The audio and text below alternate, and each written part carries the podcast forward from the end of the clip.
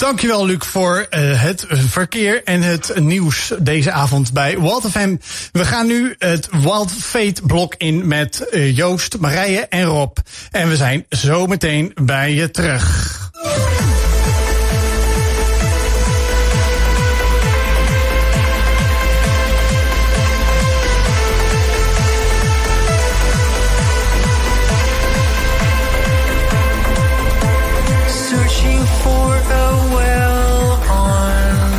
secret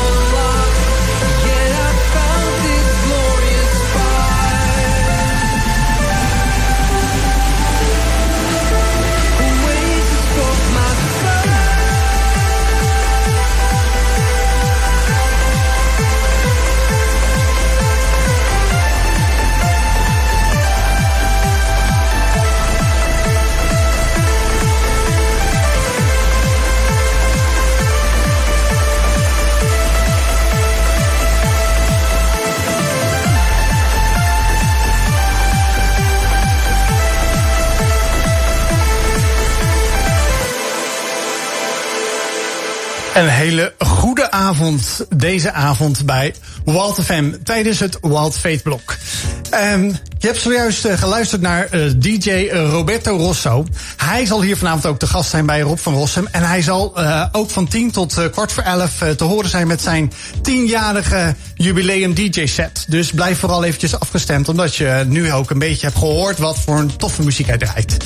Hartelijk welkom Marije, leuk dat je er bent. Ja, zeker. Er En ook Tessa, leuk dat je er bent. Ja, leuk om er te zijn. Ehm, we hebben een hele bijzondere eh, eh, aflevering vanavond. Eh, uiteraard altijd. Want je kunt ook ons vanavond voor het eerst zien via de Wild FM eh, Facebookpagina. Dan kun je ons eh, live ook horen en ook meekijken. Want we hebben een heel bijzondere eh, ja, avond vanavond. Tessa zal ons meenemen in een positieve mindset. Maar dat is naar alles naar aanleiding van haar boek wat ze geschreven heeft. Wat vanavond eigenlijk ook een beetje in première gaat. Depressie ontwapend. En Tessa heeft tegen ons gezegd, tegen Marije en mij onderweg hier. Ze zei, ik ga vijf boeken gesigneerd weggeven aan de die gaan reageren via de Walt FM eh, Facebook of eh, WhatsApp. Dus wil je dit boek hebben, ik laat hem ook even zien voor de kijkers ondertussen. Uh, Depressie ontwapend. Ga dan vooral eventjes naar je telefoon en stuur ons een berichtje naar de WhatsApp van Wild FM. En dat is 06 3939 2050. Dus heb je dat telefoonnummer nog niet in je telefoon staan, ga dat dan vooral nu doen. Want je krijgt een gesigneerd boek van Tessa. Zij gaat er meer over vertellen, deze aflevering van Wild Fate. Um, dus nogmaals 06 3939 2050. Voor een uh, gratis boek wat je wordt opgestuurd en gesigneerd door Tessa. Wij hebben natuurlijk ook vanavond fantastische gospel voor je klaarstaan. Een heel mooie invulling en twee uur live Wild Fate. Dat vind ik echt fantastisch en bijzonder om uh, mee te maken. En ik heb er heel veel zin in. Ik hoop jullie ook, dames. Want uh, we zitten hier samen met elkaar. En laten we vooral nu gaan luisteren naar Trust You.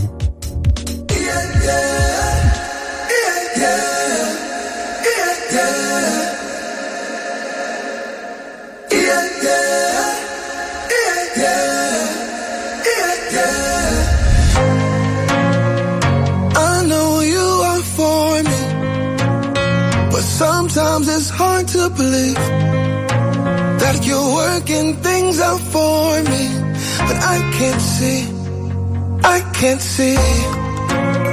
I'm walking with blindfolds on, but you're more sure than the ground that I stand on. And I know that you won't cave, you won't cave in, so I trust you, even when I can't see the full plan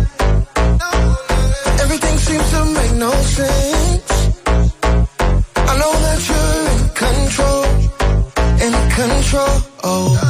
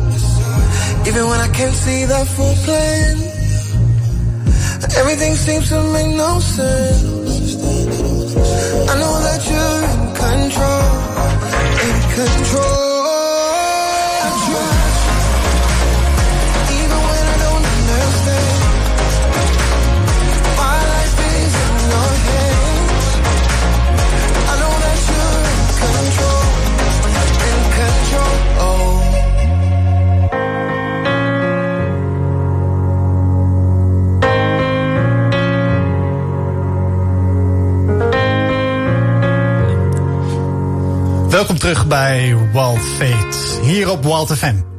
We gaan in gesprek met Tessa en ik geef graag de kick-off aan uh, Marije. Jazeker.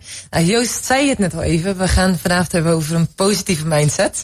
En ik hoor steeds meer mensen die echt bezig zijn om zich beter te voelen door dus positief te denken. Ja. Is dat ook iets wat je ook ziet om je heen? Heel veel zelfs. Ja, ik hoor het heel veel om me heen. En uh, ik heb het zelf ook geprobeerd om op die manier mezelf beter te voelen. En uh, ja, ik heb er wel verschillende gedachten over. Dus uh, ik zie dat heel veel mensen streven naar succes, naar geluk. Um, en dat mede doen door positief denken en positieve grote doelen stellen en dromen. En uh, heel erg met persoonlijke ontwikkeling bezig zijn. En uh, daar zie je soms hele goede dingen in. En ik heb er ook wel andere kanten van gezien. Dus uh, heel interessant gebied. Ja. ja, want waar verlangen mensen dan naar? Ik denk naar zich fijn voelen. Naar kwalitatief een fijn en goed leven hebben. Uh, je goed voelen, je, je fit voelen. Dat draagt natuurlijk allemaal bij aan, uh, aan emotioneel je ook prettig voelen. En we zijn gevoelswezens, emotionele wezens. En uh, ja, je kunt het rationeel allemaal goed bedenken. Maar als je het niet voelt, dan, ja, dan missen mensen iets. Ja, en wat missen ze dan als ze het niet voelen? Ik denk misschien wel zingeving. Ertoe doen, gezien worden. Ehm, ja, verbinding met anderen. Ik denk dat dat iets is wat er dieper onder ligt, zeg maar. Ja, ja dus echt gewoon een verlangen om te mogen bestaan eigenlijk. Ja, zeker. Ja, ja. zeker. En denk je dat elk mens daar eigenlijk wel naar verlangt? Ik denk het wel. Ja. ja, er zijn natuurlijk wel uitzonderingen, dat geloof ik wel. Maar ik denk dat wij mensen zijn gemaakt voor verbinding. Voor uh, ja, voelen dat je het waard bent, dat je er mag zijn. Uh, dat je niet zomaar wordt afgeschreven uh, als je een keer een fout maakt in het leven. Of misschien wel heftige fouten maakt zelfs in het leven. Um, ja, weet je dat? Ja, en je noemde net al even van hey, positieve mindset helpt je eigenlijk ook wel in dingen. Dat, dat je positief denkt over bepaalde dingen. Dat je ook heel erg begrijpt dat mensen dat ook nastreven. Maar je zegt, ik heb daar ook wel andere dingen in gezien. Wat, wat bedoel je dan? Ja, in mijn eigen leven, maar ik werk ook veel met mensen. Ik ben uh, coach en uh, therapeut, fysiotherapeut. En uh, ook als mensen te maken hebben met ziekte of met struggles, met omstandigheden die niet zo makkelijk zijn, dan probeer je toch te zoeken naar oplossingen, naar uitkomsten. Ik denk dat we dat allemaal doen. Um, wat ik daarbij zie is dat er een beetje een trend is van joh, je moet vooral positief denken. En wat het gevaar daarvan is, is dat we ons niet meer rot mogen voelen. En het punt daarvan is dat ons brein, als we doelen stellen, dus zeker als we doelen stellen op het gebied van uh, dat we iets gaafs willen bereiken, dan uh, kan dat heel concreet helpen om het proces uit te stippelen.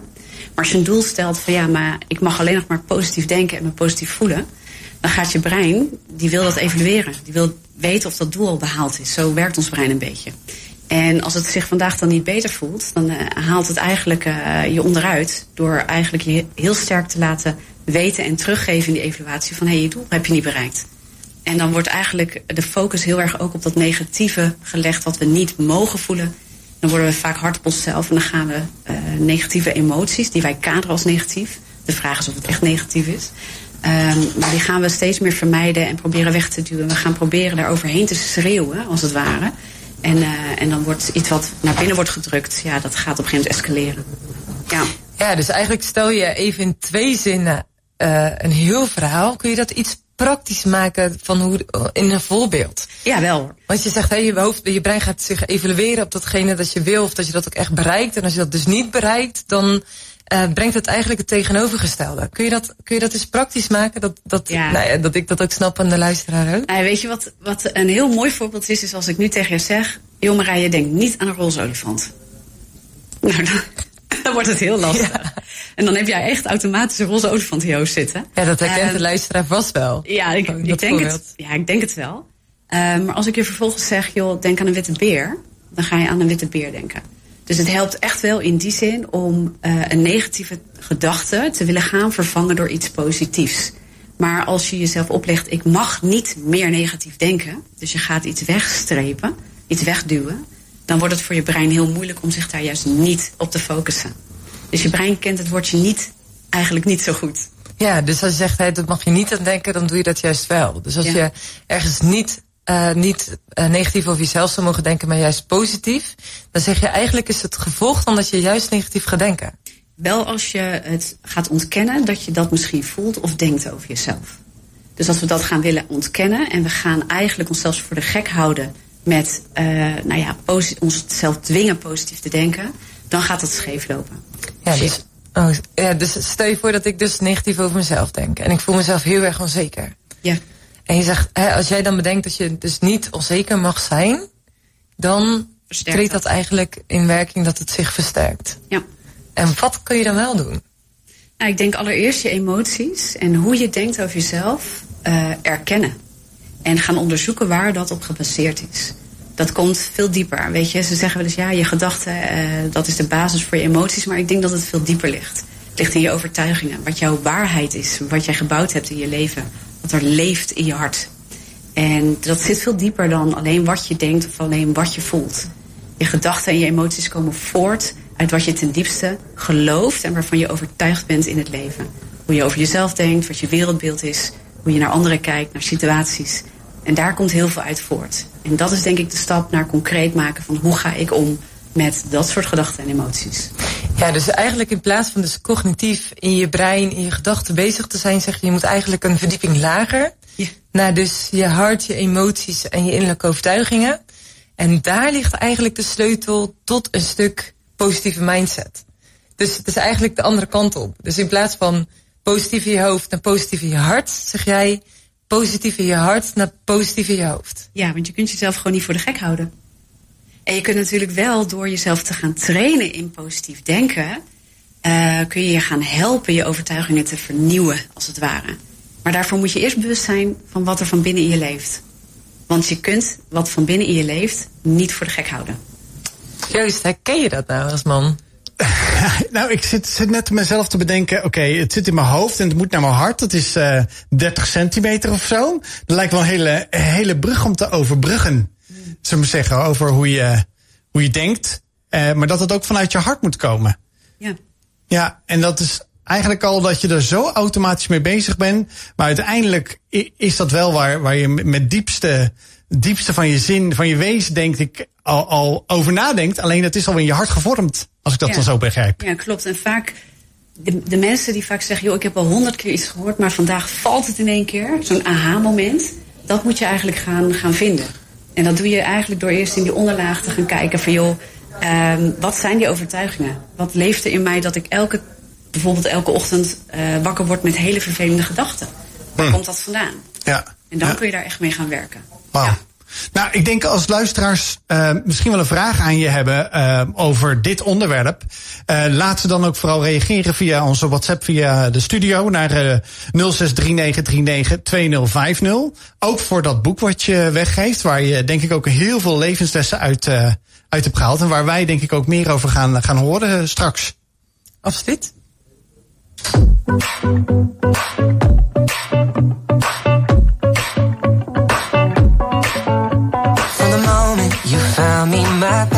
Was erased and washed away. Brand new, you create me completely 180. I ain't changed, I'm not the same. I'm just getting started, but you know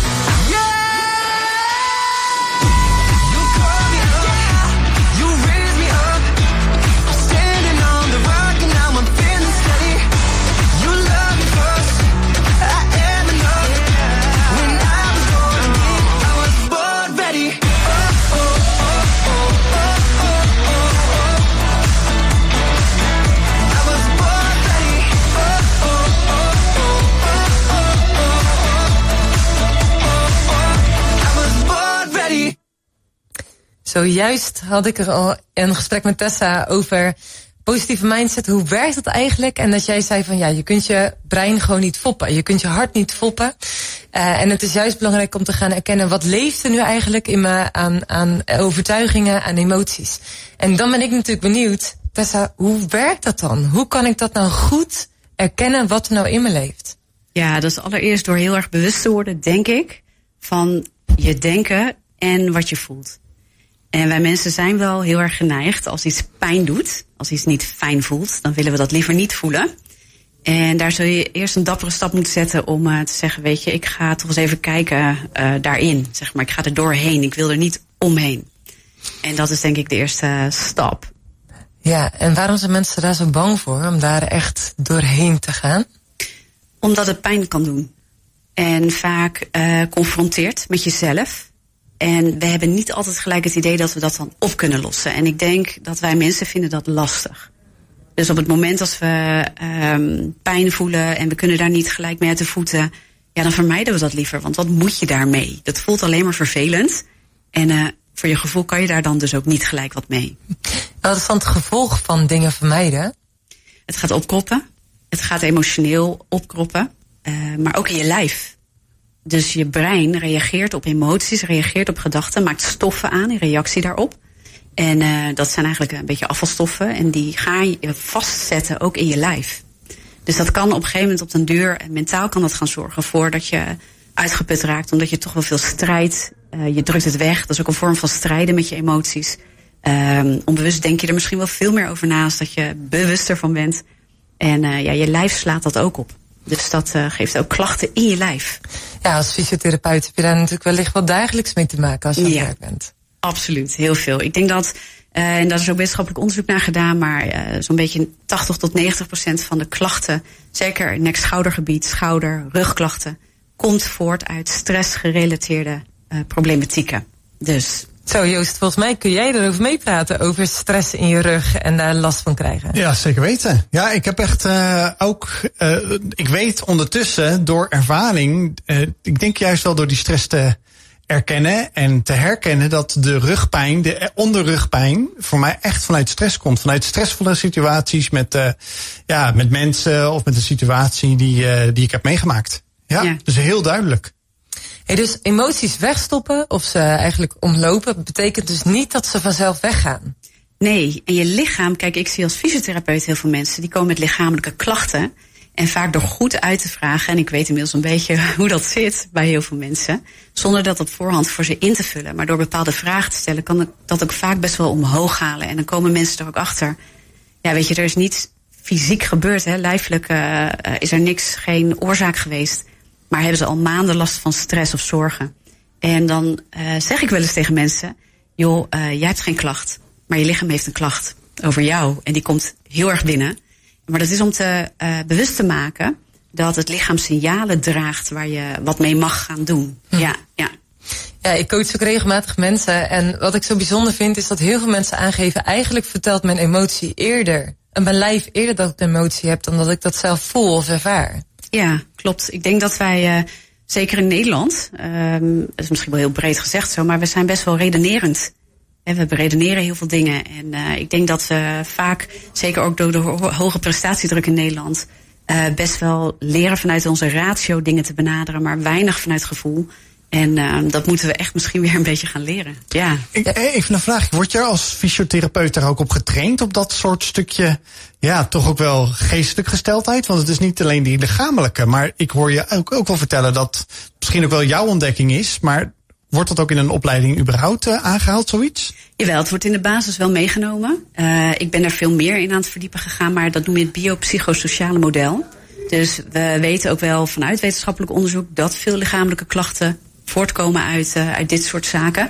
En uh, ja, daar moet je wel van op de hoogte zijn als uh, fysiotherapeut. En hoe ver je daarin gaat sturen en gaat vragen, dat ligt misschien een beetje aan de therapeut. En ook wat de interesses zijn en hoe ver iemand daarin met je meegaat. Maar ik heb ook die ervaring wel vanuit de neurorevalidatie. Dus mensen die met hersenaandoeningen te maken hebben gehad. En dan ja, zie je ook heel veel relatie tussen het brein en je lijf. En daar hmm. zit ook een hele hoop emotie bij. En zo is dat bij mij een extra interesse geworden waar ik wel meer in ben gaan verdiepen. Ja, klopt. Ja, gaaf. Ja. Ja. Ja, dus je zegt, hey, dus vooral niet vanuit je hoofd positief willen denken, maar juist dat af te dalen naar je hart, naar je emoties, naar je innerlijke overtuigingen. Hey, en raakt het dan ook iets van de maakbaarheid wat wij in onze maatschappij kennen? Van weet je, je hebt een probleem, je lost het op, uh, er is iets aan de hand, je denkt positief en hoppa, het goede komt je al tegemoet. Raakt dat dat ook? Ja, denk het wel. Ik denk ook dat we steeds meer horen en leren, ook vanuit de persoonlijke ontwikkelingshoek. Niet alles uiteraard, maar um, ja, dat, je, dat je toch wel goed je best moet doen om je goed te voelen. En je wordt eigenlijk uh, 100% verantwoordelijk gesteld voor uh, de kwaliteit van jouw leven. En ik denk dat best wel wat mensen vastlopen die zich uh, ja, op een plek bevinden waar het leven niet allemaal zo makkelijk heeft, is gelopen. En sommige mensen, um, ja, ook vanuit het begin waar ze geboren zijn, zeg maar, al uh, misschien met een achterstand beginnen. Hm. En dan is het best wel eens hard om te horen van ja, weet je, maar je bent waar je bent doordat je zelf je leven zo gekozen hebt. Zo. Bewust of onbewust. En oh, heb je het over een druk vanuit de maatschappij, ja. uh, dan is dit er zeker eentje van hey, je bent verantwoordelijk voor je eigen geluk. Ja, en ik denk dat er wel een deel van waarheid in zit. Want de omstandigheden van het leven kun je dan wellicht niet kiezen, maar je kunt wel kiezen hoe je ermee omgaat. Dus dat je daarmee werkt en dus bewust wordt van hoe je in het leven staat en waarom je denkt wat je denkt en voelt wat je voelt. Dus die onderlaag. Kun je wel werken met wat het leven ongenuanceerd op je pad smijt. Maar je kunt niet altijd kiezen wat het leven ongenuanceerd op je pad smijt. Daarmee dealen en daarmee omgaan bepaalt wel een deel van dat geluksgevoel, dat geloof ik. Maar geluk nastreven als een soort utopie, ik denk dat dat juist heel veel teleurstelling opwekt. Ja, Dirk de Wachter die uh, stelt er ook regelmatig iets over natuurlijk wat hij ook stelt is van uh, we moeten leren, leren wat vaker ongelukkig te zijn. Daar worden we veel gelukkiger van. Is dat eigenlijk ook wat je stelt? Ja, ik ben echt fan van Dirk de Wachter. ik vind hem fantastisch. En uh, ja, ik denk dat hij een heel goed punt heeft. Lijden is een onderdeel van het leven. Lijden maakt ook dat je elkaar op blijft zoeken en verbinding zoekt. En niet denkt dat je zelf het in je eentje allemaal op moet lossen. Maar dat je ook elkaar vindt en steunt. En daar zijn we ten diepste toch echt nog wel voor gemaakt. Ja. Ja, dus juist vanuit die verbinding met elkaar, elkaar kunnen vertroosten, troost kunnen zoeken, troost kunnen vinden en dan juist van betekenis te zijn voor elkaar. Jazeker. En daar zit zingeving. En uiteindelijk blijkt dat zingeving ertoe doen ook voor anderen. En ik heb het niet over please gedrag, maar echt vanuit ja, echt zingeving, zeg maar, willen steunen van elkaar. Een stukje liefde delen met elkaar. Op die manier dat dat ook echt zin geeft aan het leven. En dus het geluksgevoel echt verhoogt van mensen. Ja, nou daar gaan we straks meer over horen. Want dit heb je zelf niet alleen maar door heel veel te studeren en je te verdiepen geleerd. Uh, maar je spreekt ook over eigen ervaring. Jazeker. Ja. Daar gaan we straks verder over hebben. Ja, en uh, nogmaals, als jij uh, heel graag het boek van, uh, van Tessa van Olst wil, wil hebben, gratis en voor niks, dat is voor Nederlanders, moet dat toch aanspreken. Ehm, dan zeg ik vooral, ehm, ja, App eventjes naar de studio, naar uh, 063939 2050. Dan krijg je een gesigneerd boek van Tessa. Maar uh, ja, wil je niet whatsappen, heb je geen mogelijkheid om te whatsappen. Stuur dan eventjes via de socials van uh, Facebook, Instagram, Twitter, wat dan ook, naar de studio van Walt FM. dat je graag zo'n boek wil hebben. We hebben er vijf. Ehm, ja, voor je het weet ontdekken mensen dat het een mooie boodschap is. Dus ik zou zeker zeggen, ja, hou het in de gaten. Stuur even ons een berichtje, want dan krijg jij zo'n boek van ons.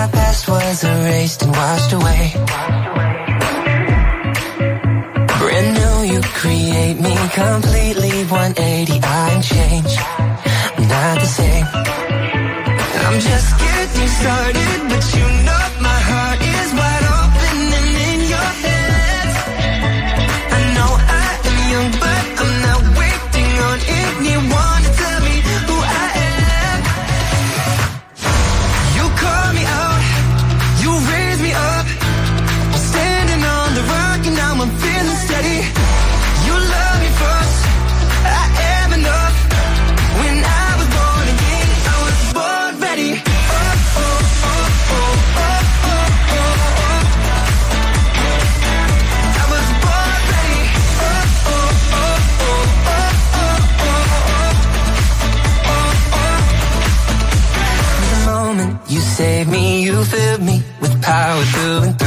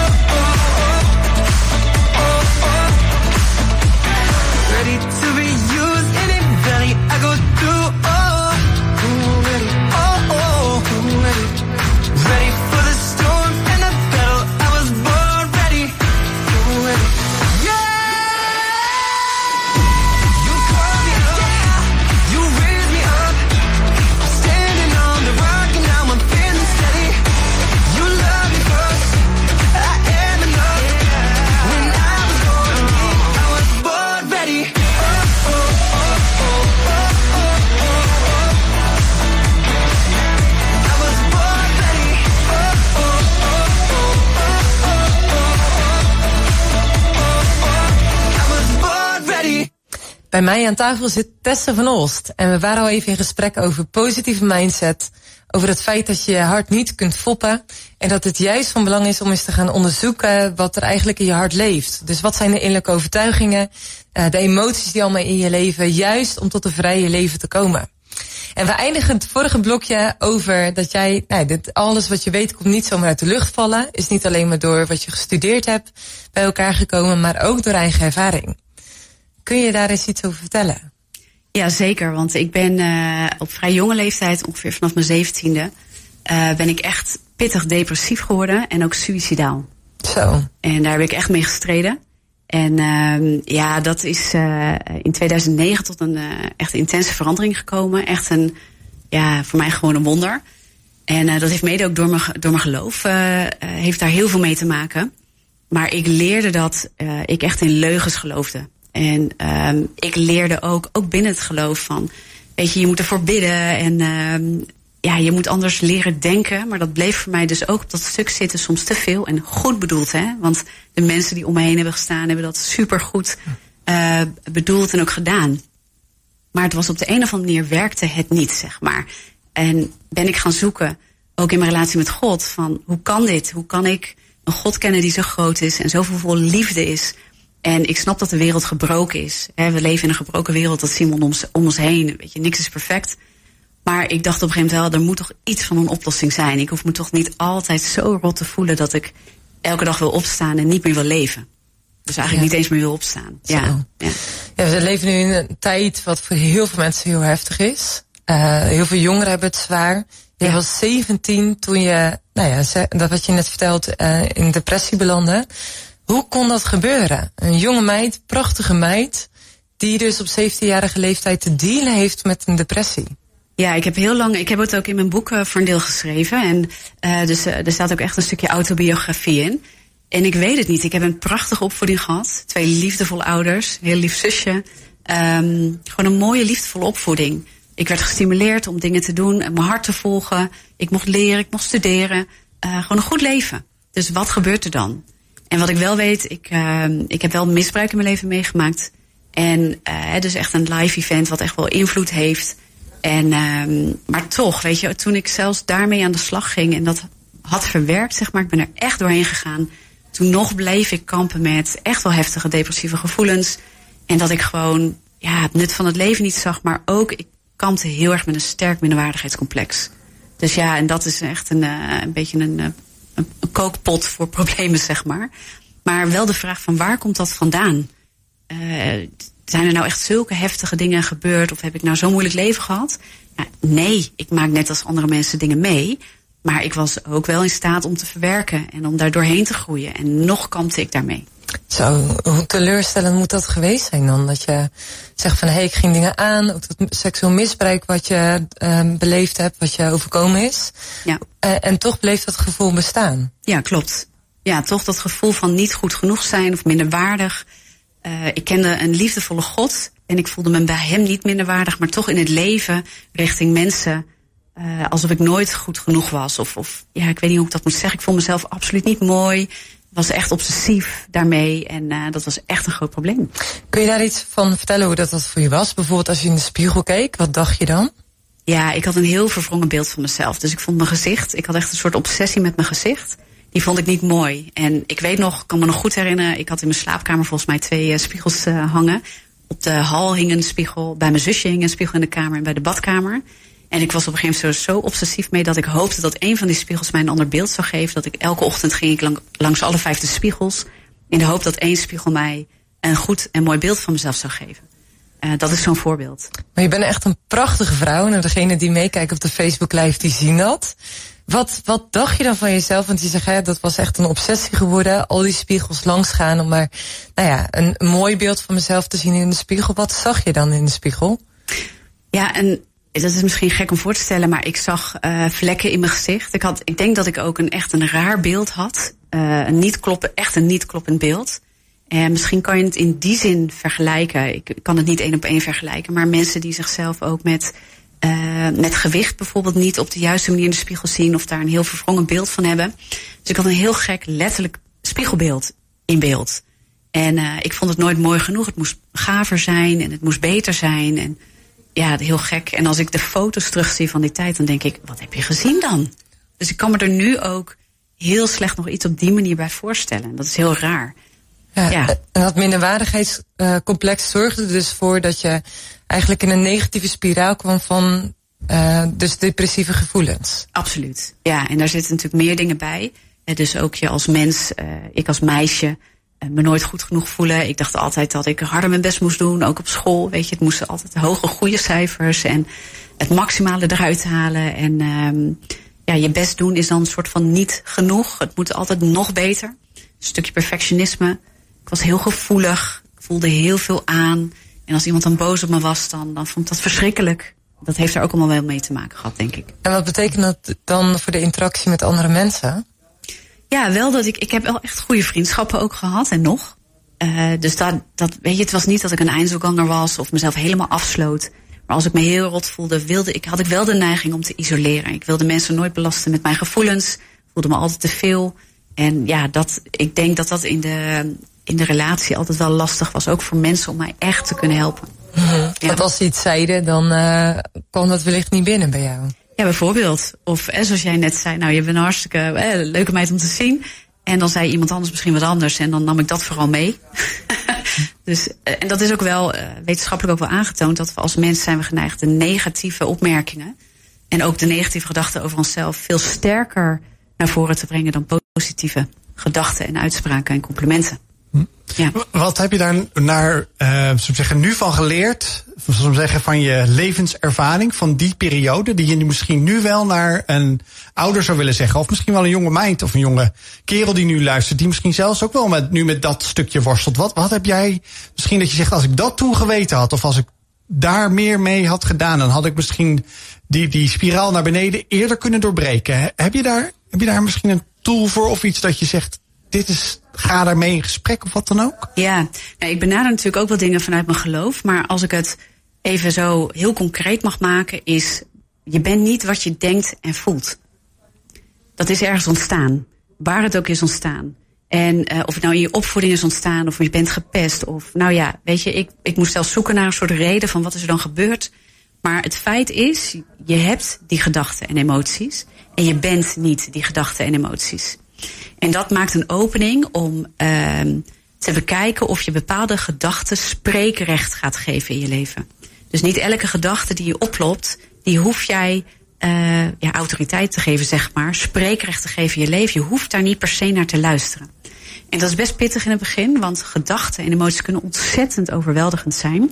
Echt heel sterk. Zeker in depressie kan dat echt als een, als een golf over je heen komen. Maar dan beseffen van hé, hey, ik hoef hier niet mijn leven door te laten dicteren. Maar dan is het zaak dat je op zoek gaat naar wat is waar. En je gaat vullen met waarheid. Hè, dus in, dat, in die diepere laag. Want blijkbaar geloof je eventueel, het is leugens. En ik zeg niet dat, je, dat jij een leugenaar bent. Maar daar leven dingen in je die proberen jou in leugens te laten geloven. En dat maakt je kapot. En dat heeft mij echt vrijgezet toen ik dacht... maar ik kan waarheid, ik kan dit gaan vervangen door waarheid. En daar moet ik misschien even voor werken en mijn best voor doen. Eh, maar dat is, dat is een beter gevecht dan aan het vechten blijven met die gedachten en emoties. Waarheid maakt vrij. Waarheid maakt vrij. Johannes 10, vers 10 en 11. Ja, Wauw. ja. Fantastisch mooi, ja. Ja. Ik sprak laatst een eh, jonge vrouw, Jocelyn van den Berg. En zij heeft een prachtig album ge- eh, geschreven, Naar regen komt schijn. Ja. En zij eh, zei van heel veel mensen zeiden tegen mij, na regen komt zonneschijn. Of er komt aan het einde van de tunnel wel weer licht. Ze zei, maar ik zag geen licht. En ze zegt, niemand snapt dat. Nee. Iedereen die dat niet kent, die snapt dat niet. En daar word je heel verdrietig van. Hm. Want dat is waar we het net over hadden. Een positieve mindset, hè, voor positief denken is niet genoeg. Wat mensen heel goed bedoeld zeggen van joh, het wordt beter. En dat is ook zo. Maar je voelt dat niet. En je brein kan dat dus niet bevestigen. En dat wordt heel zwaar om te dragen. En daar zit het punt. Dus je bent naar iets aan het kijken. En je wil dat zo graag. Maar dat is het cadeautje wat je nooit krijgt voor je gevoel. En dat is dus bijna niet te doen. Dus ik, ik snap zoveel mensen die depressief zijn. Waarvan heel veel mensen zeggen: ja, maar het wordt echt beter. En die, die proberen van: hey, je moet aan iets leuks denken. En kom maar, gaan wat leuks doen. Maar het haalt dat gevoel niet gelijk weg. En het is soms een nog hardere confrontatie met wat er van binnen in je leeft. Totdat je weet dat je dat wat van binnen leeft kan gaan aanpakken. En dat moet concreet worden. En dat is in zo'n uitzending als vandaag misschien echt niet helemaal aan te reiken. Maar het kan wel. Het kan wel. En daar heb ik onder andere in mijn boek ook echt over geschreven. Hoe je dat kan doen. En, en wat daarin kan helpen. Ja. Kan je een tipje van de sluier geven? Uh, het niet identificeren met depressie. We zeggen vaak, ik ben depressief. Uh, daarmee zou je kunnen stoppen en zeggen, ik heb last van depressieve gevoelens. En dan erken je ook gelijk, het zijn gevoelens, het zijn gedachten. En ik ga aan de gang met hoe ik daar sturing aan kan gaan geven. En dat je dus de stap maakt van, ik laat dus mijn leven niet meer dicteren daardoor. En wat ook heel belangrijk is, is dat je, zeker depressiviteit, neigt heel vaak tot isolement. Je wil je terugtrekken, om dus ook niet geconfronteerd te worden met al die blije mensen die jou elke keer confronteren met hoe rot je je voelt. Maar ik wil je toch adviseren, zeker met de mensen die uh, dichtbij je staan, om wel in gesprek te blijven. Maar ook uh, jezelf uit te blijven dagen, ook fysiek. We weten ook vanuit de wetenschap dat als je sport, gezond eten, goed slaapt, dat dat helpt om positieve stoffen op te bouwen, ook in je brein. En dat zijn dezelfde positieve stoffen als dat je lacht en blij bent. En je helpt je brein om zich echt beter te gaan voelen. Dus dat, ja, dat werkt ook wel. Dat zijn maar twee kleine tips, maar het is wel praktisch. Ja. Nog, nog iets over wat je net zei. Je zei van op een gegeven moment wil ik echt liefst niet meer uit bed komen. Uh, deelde je ook over dat je suicidaal bent geweest. Ja. Uh, hoe, hoe was dat? Gewoon een jonge meid die dus depressieve gevoelens heeft en die dus zo diep eigenlijk in zo'n fuik gezogen wordt dat je zegt van van mij hoeft het leven ook niet meer. Nee, dat heeft in, uh, toen ik 17 was ook wel tot een poging, uh, of nou een bijna poging geleid.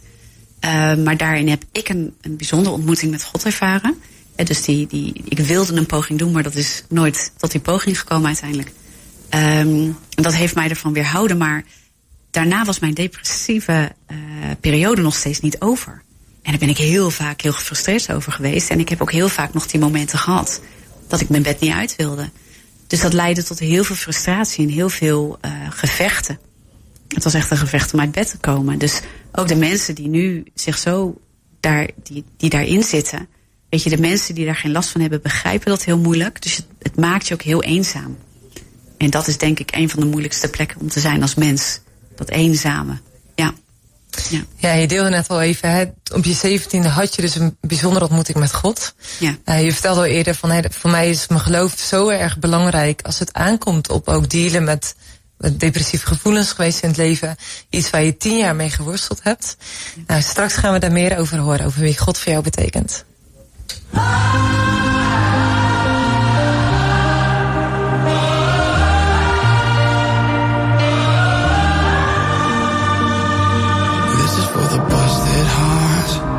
This is for the question marks. This is for the outcast soul, lost control. No one knows. Sing it for the can't go back. Sing it for the broken past. Sing it for the just found out. Life is now upside down. If you're looking for hope tonight,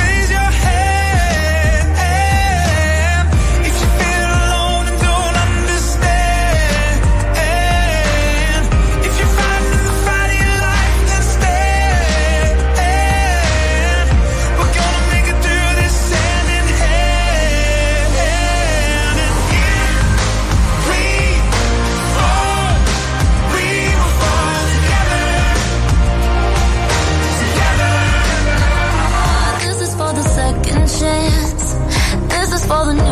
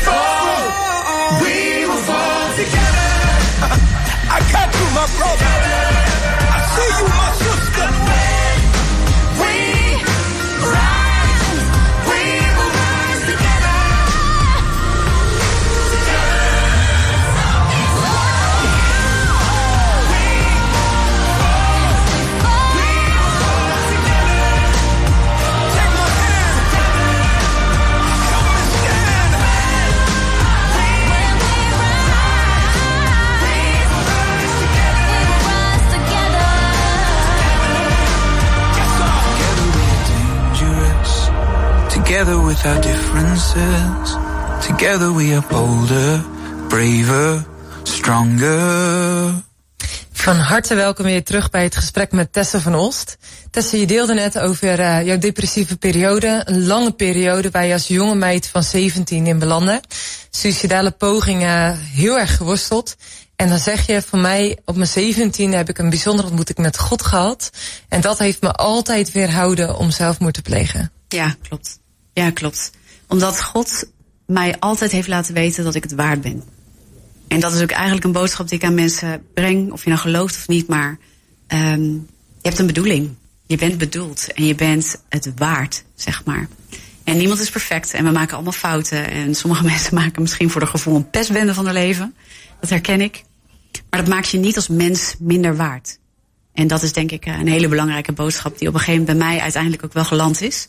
Um, die ik altijd heb gevoeld, maar die ik ook kon omzetten van binnen uh, door het aan te nemen als een waarheid. En vanuit die waarheid mijn denken en mijn emoties weer in lijn te brengen met dat zoals God me bedoeld heeft. En ja, dus eigenlijk raakt dat ook waar we aan het begin over hadden. Van hey, je kunt niet je, je hart foppen door wat je denkt.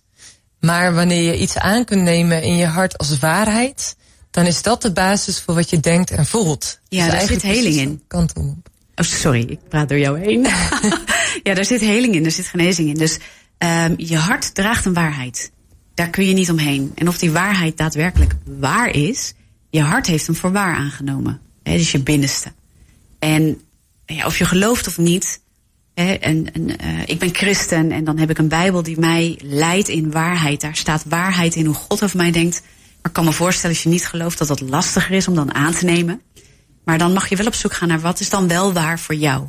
En waar is dat in strijd met waar je nu leeft? Waar je nu emotioneel leeft. Waar je gemoedstoestand op rust, zeg maar. Hè, waar dat op gebouwd is. Ja, en dat is voor mij zo'n sleutel geweest. Want je kan heel veel geloven met je hoofd. Maar als je hart het niet gelooft, ja jongens. Dan, dan gaat het gewoon nooit op één lijn komen. Ja, Joost, die zei het al even. Hè, waarheid maakt vrij. Ja. Wat is dan waarheid? Je zegt, hè, ik was het waard. Ja. Wat heb je nog meer ontdekt? Ik heb ontdekt dat um, de depressie, zeg maar zoals dat in mijn leven was, op een gegeven moment echt door patronen in stand werd gehouden. Dus ik had dingen verwerkt um, en ik was er doorheen gegaan. Ik bijt me dan ook wel vast. Ik ben wel een, vastbijter. Maar ik moest mijn beeld, letterlijk, zoals ik in de spiegel keek, ik moest dat veranderen. Ik moest dat gaan vormen van binnenuit naar uh, een normaal beeld. Ja, wat is een normaal beeld? Is er een normaal mens op deze aarde? Maar misschien moeten we dat ook gewoon accepteren. Je bent uniek.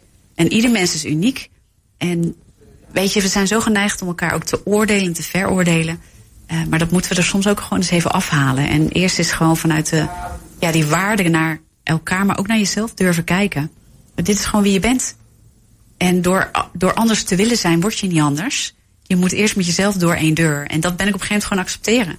Ik denk, ja, ik kan wel bang zijn voor het leven. Um, maar waarom? En dat is ook wel een, een vraag die ik echt van God heb gehad, zoals ik dat heb ervaren. Zelfs als je niet bang bent voor de dood en wel zo bang voor het leven. Weet je, waarom, waarom stap je er dan niet gewoon in? Je bent toch niet bang voor de dood. Waarom haal je dan niet alles uit het leven? En toen dacht ik, ja, dat is een gekke omkering. Maar waarom niet?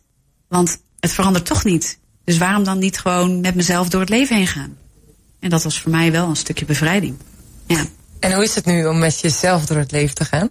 Ja, ik vind het best heel leuk. Ja, en ik heb nog steeds, ik, het is niet in één keer uh, roodgeur en maneschijn, hè. Dus uh, het, is, uh, het is ook gewoon nog steeds de moeilijke dingen van het leven. Maar ik heb geleerd dat die emoties horen erbij. En we zijn geneigd om dingen als positief en negatief te kaderen. En we zouden het veel beter kunnen kaderen als wat is helpend en niet helpend. Want als je iemand verliest, dan is het heel helpend om te rouwen en heel gezond. Maar als dat doorslaat in vastkomen in depressie, dan is dat niet langer helpend. Dan zit daar een patroon wellicht onder wat je moet gaan aanpakken. Maar dat mag en dat kan ook. En ik zeg wel eens, je kunt gelukkig zijn en tegelijkertijd moeilijke situaties hebben in je leven.